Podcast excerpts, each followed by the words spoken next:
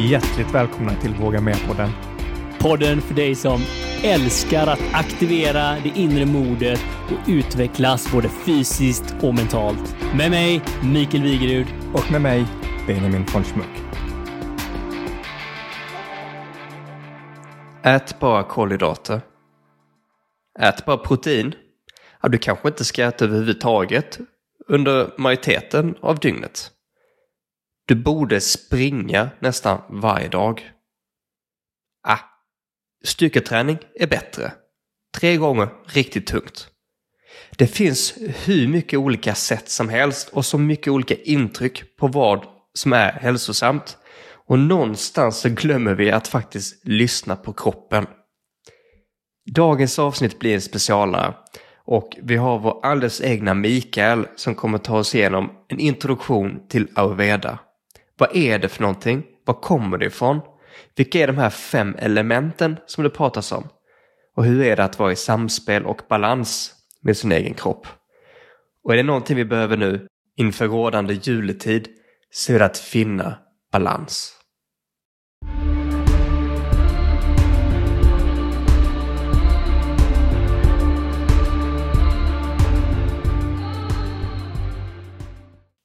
Hälsa står ju mer på tapeten än någonsin och metoderna svajar får vi väl ändå säga för att konstatera. Nya metoder kommer fram och tillbaka. Det ena gäller efter det andra.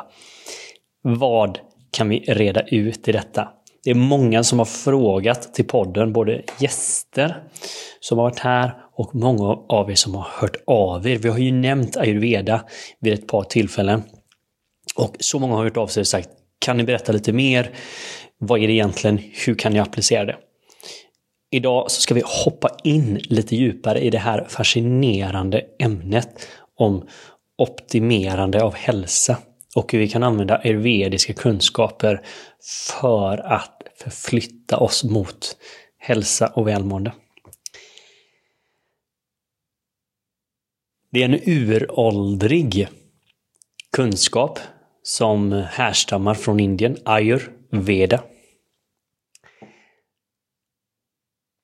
Ayur kommer från ordet ayus som eh, betyder life, alltså liv och veda som betyder knowledge, alltså kunskap. Så de här tillsammans, ayurveda, kunskap om livet.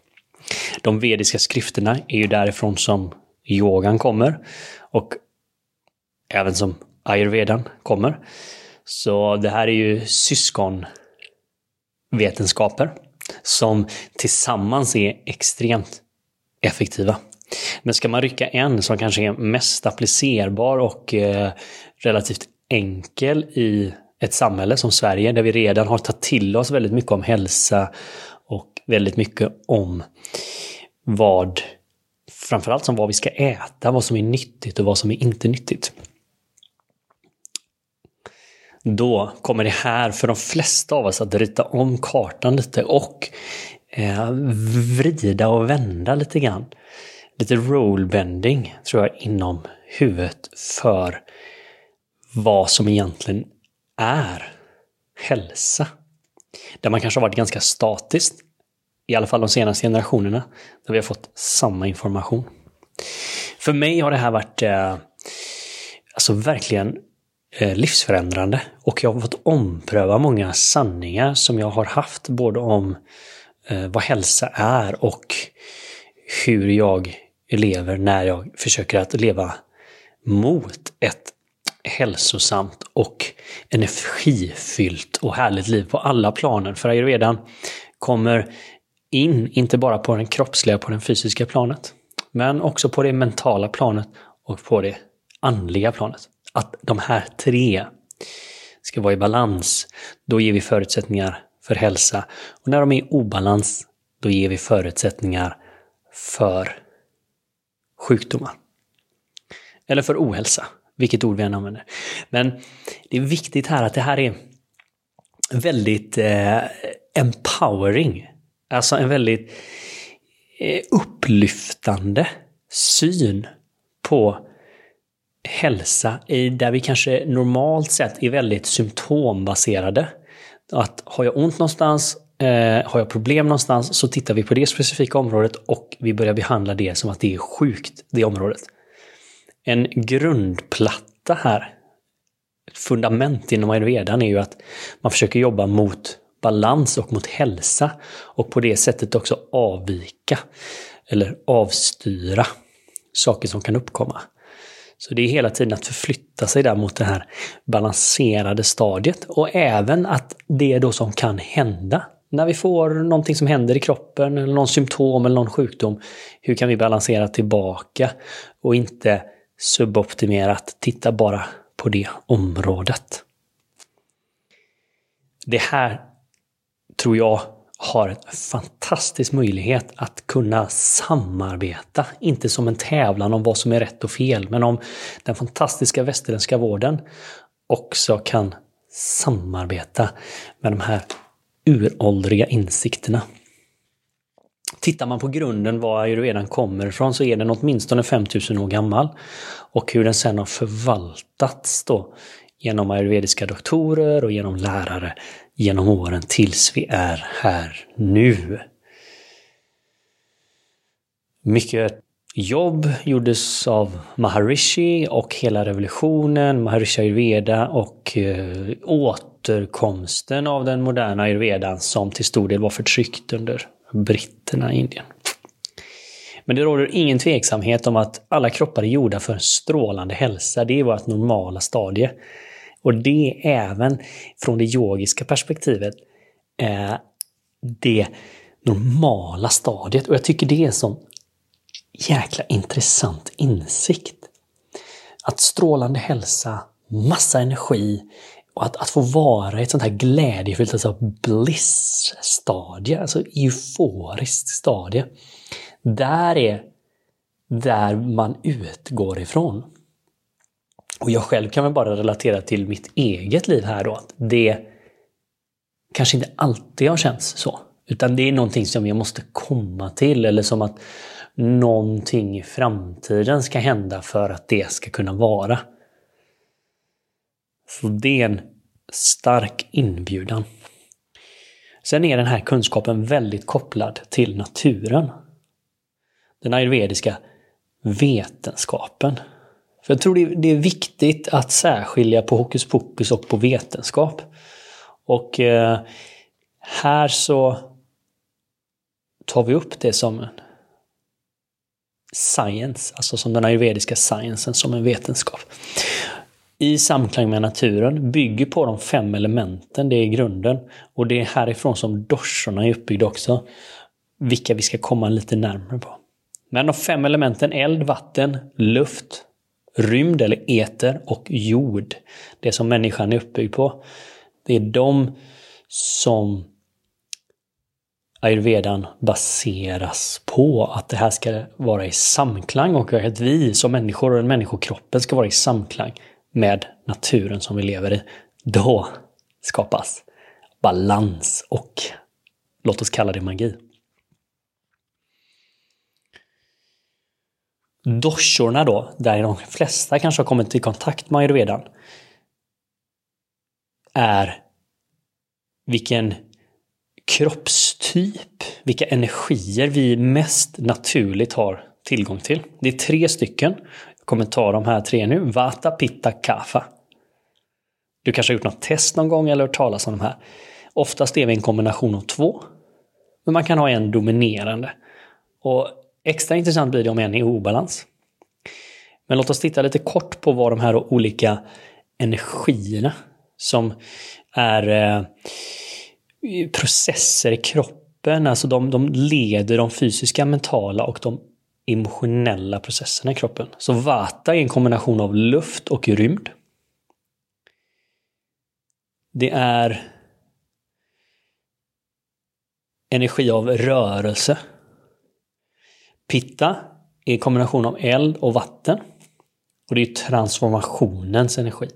Väldigt, väldigt starkt förknippat med magsmältningen och agnin, alltså den inre elden som ska transformera, transformera allting som vi stoppar i oss till näringsämnen och ta ut det maximala utav det i kroppen.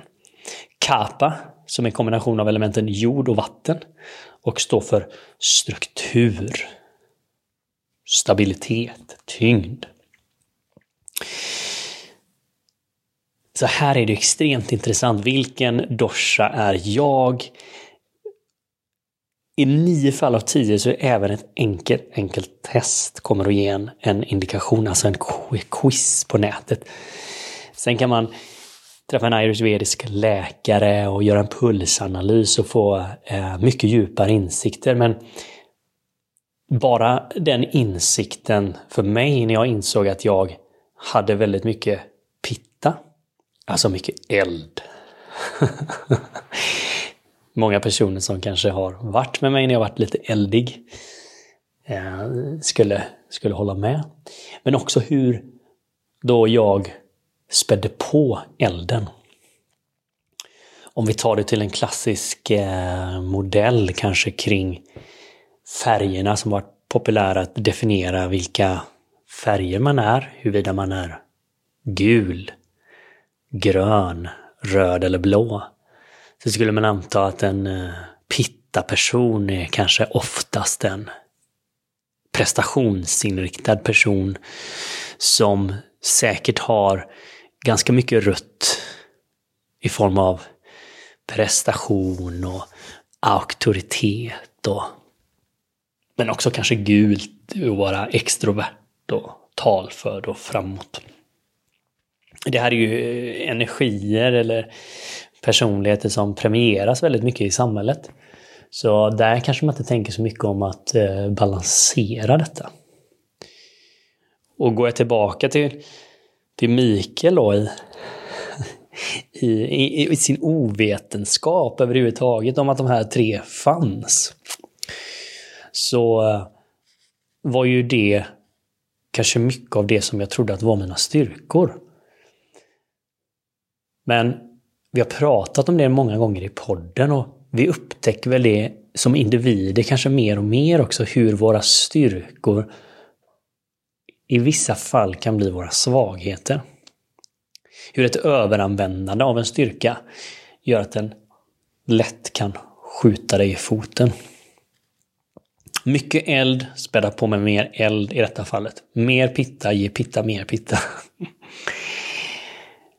vad betyder det då när Mikael spädde på pitta och vad kan det betyda för dig när du spädde på din dosha redan? Om då den här doshan om de tre doshorna är i balans så är hela du i balans och du kan utnyttja alla dess tres kvaliteter. Det behöver vi. Men när en blir i obalans, då börjar problem att komma. Kroppsliga problem, mentala problem. Och till exempel då att mycket vad vi äter. Många gånger om man är i obalans och i okunskap så späder vi kanske på det som redan är dåligt. Så det fanns en längtan hos mig i en obalanserad pittastadie att späda på det mer. Att, att öka elden ytterligare. Att dricka kaffe. Att äta stark mat.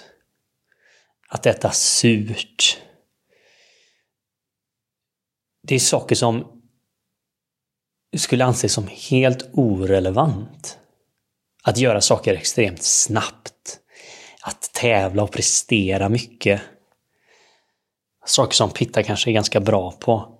Men som är allt annat än balanserande. Och här kom en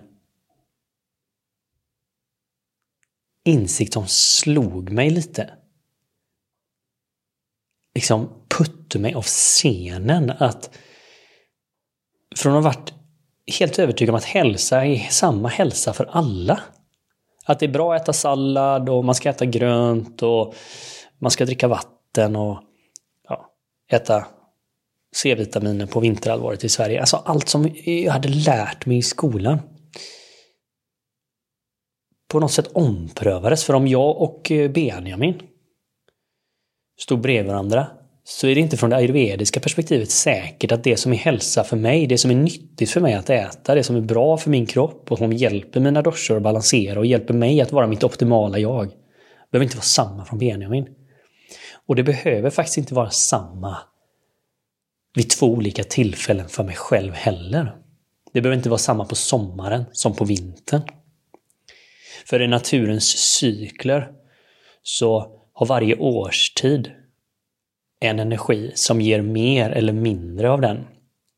Så när vi kommer till sommarhalvåret och det är varmt och det är mer värme och mer eld tillgängligt så att säga, då är pitta redan starkt från början.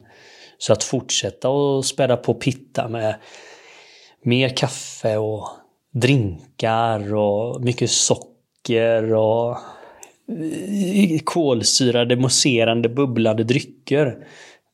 Det är absolut inte vad som skulle vara hälsosamt för en sån kropp.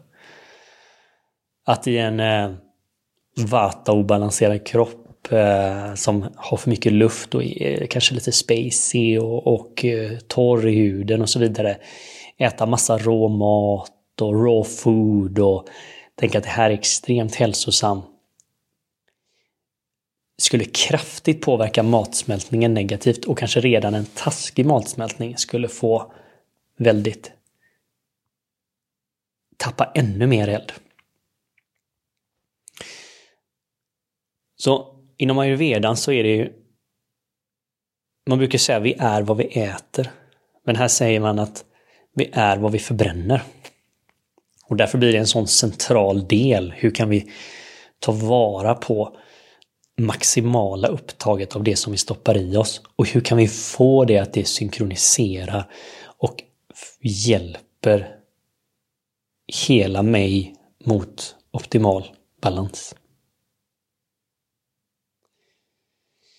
Om jag har mycket kappa, har lätt att lägga på mig vikt, har svårt att gå ner i vikt, kanske är lite trögare, behöver lite längre tid på mig att komma igång, men är också väldigt uthållig och tålmodig. Då kanske inte alls är samma problem att späda på det här lite grann.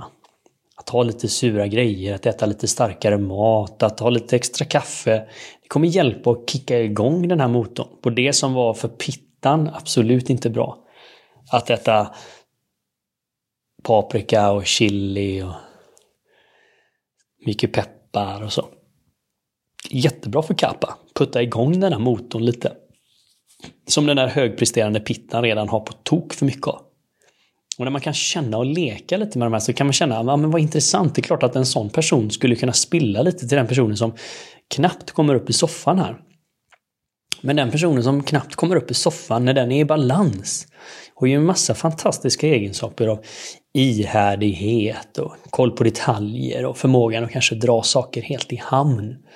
Som pitta obalanserade individen absolut inte skulle ha tid med för vi är redan på nästa projekt långt innan det andra har kommit halvvägs. Så hur kan de här bitarna hänga ihop med mat? Nästan kanske ett mysterie. Men ju mer man tänker på det och ju mer vi får kontakt med vår egen kropp och med naturen. Där ayurvedan är väldigt intuitiv, att det finns guidelines och det finns riktlinjer och det finns oändligt med texter och skrifter. Men i slutändan handlar det om att för dig att utveckla din kontakt och kunna lära dig vad kroppen behöver vid olika tillfällen. Till exempel som en klassisk sak att inom ayurvedan så är vi ju så centralt intresserade av matsmältningen. Så att till exempel hälla i sig iskall dryck eller överhuvudtaget kyld dryck innan man ska äta anses vara väldigt dumt för en optimal förbränning. Då skickas någonting ner i magen som är kallt, som måste värmas upp av kroppen. Det går åt massa av eld, det går åt massa energi till att göra detta och sen proppar vi mat. Vi ger inte alls bästa förutsättningar för magsmältningen att komma igång med det som kommer ner och att liksom dra ut alla vitaminer, alla mineraler, all energi, all prana ut i kroppen.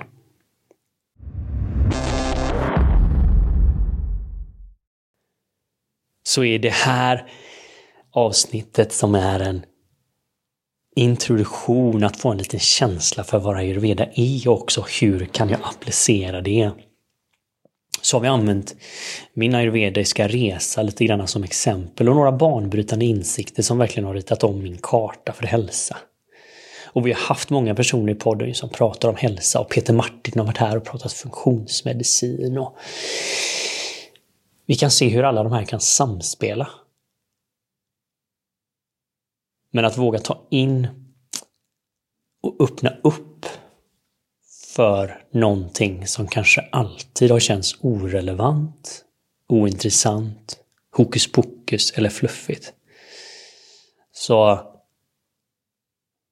för mig att både att lära mig grundläggande om ayurvedan men sen att jobba tillsammans med några av de främsta ayurvediska läkarna i världen. Och jag har berättat lite mer om min panchakarma som är en djupare Eh, ayurvedisk behandling med syftet att balansera doshorna och balansera kroppen och rätta ut eventuella obalanser och rensa ut eventuella år av mindre hälsosamt leverne. Nej, skämt åsido. Men eh, då finns det sådana eh, längre behandlingar man kan tillgå också. Men jag skulle vilja påstå att redan med små förändringar som vi har varit inne lite grann på idag så kan stor förändring hända. Att börja få lite mer kontakt med maten, med ens förbränning, med rytmen av naturen. Att få lite mer kontakt även med stress. Hur äter jag? I vilka stadier äter jag? Att kunna göra en liten ritual när jag äter. Att kan jag ta bort elektronik, mobiler, ljud? Titta vad jag har för mat framför mig. Känna, är den här maten energirik? Är den bra för mig? Är det det jag behöver just nu? Alltså enkla incheckningar som tar några sekunder. Och sen äta tillsammans med maten på ett sätt att jag äter i närvaro. Jag äter i tacksamhet av, av hur mycket som har krävts för att den här maten ska komma till min tallrik. Och jag gör inte det för hokus pokus utan jag gör ju det för att optimera mig. Att den här uråldriga biohackingen, alltså de som har biohackat i 5000 år, har kommit fram till många av banbrytande insikter hur vi verkligen kan dra max ur det vi äter. Det finns många mängder av ayurvediska örter som kan hjälpa till att eh, minska stress eller att eh, hjälpa till med lite extra energibehov eh, när man behöver det. Kan hjälpa till med att eh, balansera nervsystemet och lugna ner och, och, och, det finns en rad uppsjö och ni har säkert hört några men några som är intressanta att titta lite extra på är ändå ashwagandha, brahmi, amalaki som är tre stycken ayurvediska superörter. Idag så finns det ju ganska välbrett skulle jag säga ändå inom Sverige att få tag i saker men även att komma i kontakt med eh, duktiga ayurvediska utövare och läkare. Men det finns också fantastiska böcker eh, som man kan läsa om man vill titta lite mer. Jag tycker att eh, Sarah Rose bok Eat Feel Fresh är fantastiskt inspirerande. Eh, Ayurveda i praktiken, skapa balans i ditt liv, är också en fantastisk bok på svenska. Och sen kommer vi att komma tillbaka till det här i Våga Mera-podden vid andra tillfällen också. Men um, nu så vet ni mycket mer om det här innan man visste någonting. Så vi ska knyta ihop säcken med att komma tillbaka till det här. Vi är inte vad vi äter, utan tänk om vi faktiskt är vad vi förbränner. Och om hälsa inte är samma för alla individer. Att det kan vara så att en vata, en kappa och en pitta-person behöver olika saker. Och tänk till och med om vi ska lägga till den andra faktorn. Att de behöver olika saker vid olika tillfällen på året. Och kanske till och med olika vid olika tillfällen på dygnet. För morgonen, dagen och kvällen har alla olika energier som samspelar med dorsorna. Så när vi är som starkast mitt på dagen och energin och transformationskraften av pittan är som allra störst kring lunchtid, då vill vi äta som mest och vi vill ha massa energi in i kroppen och tillgå dagen. Sen framåt kvällen när kroppen vill börja förbereda sig för att takta ner, då vill vi ha ett lite lättare mål på kvällen, på middagen. Och de sista timmarna innan vi ska gå till sömn så vill vi helst inte ha någonting ner i magen för att kroppen ska kunna använda sömnen till att rensa, att ladda upp och vila och då inte gå all energi till magsmältningen. Och sen vill vi ju supporta i våra beteenden när vi ska takta ner inför kvällen. Så att jag har ju oerhört mycket folk som hör av sig till podden och till mig och så vidare kring att man har sömnproblem. Men det är ju lite att vi har tappat rytmen här också. Att eh, vad gör jag för aktiviteter och hur äter jag de sista timmarna på dygnet? Vad har jag för skärmar som påverkar mig?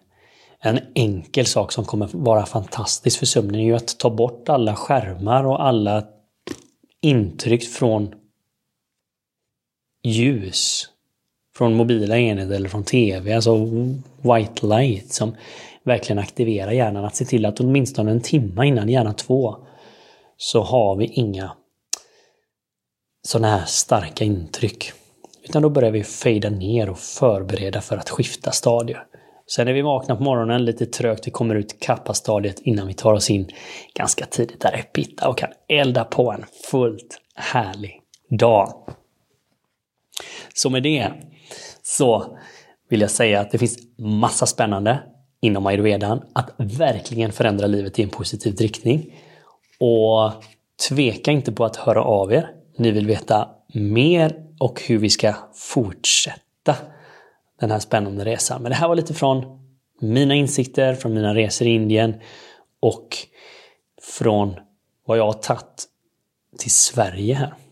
Så se fram emot att ses nästa vecka.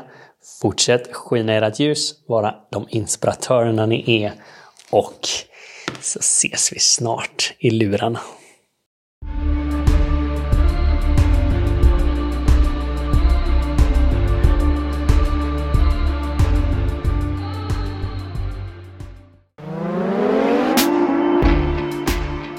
Stort tack till dig som lyssnar som hjälper Våga Mer-podden att växa och nå ut via de sociala kanalerna.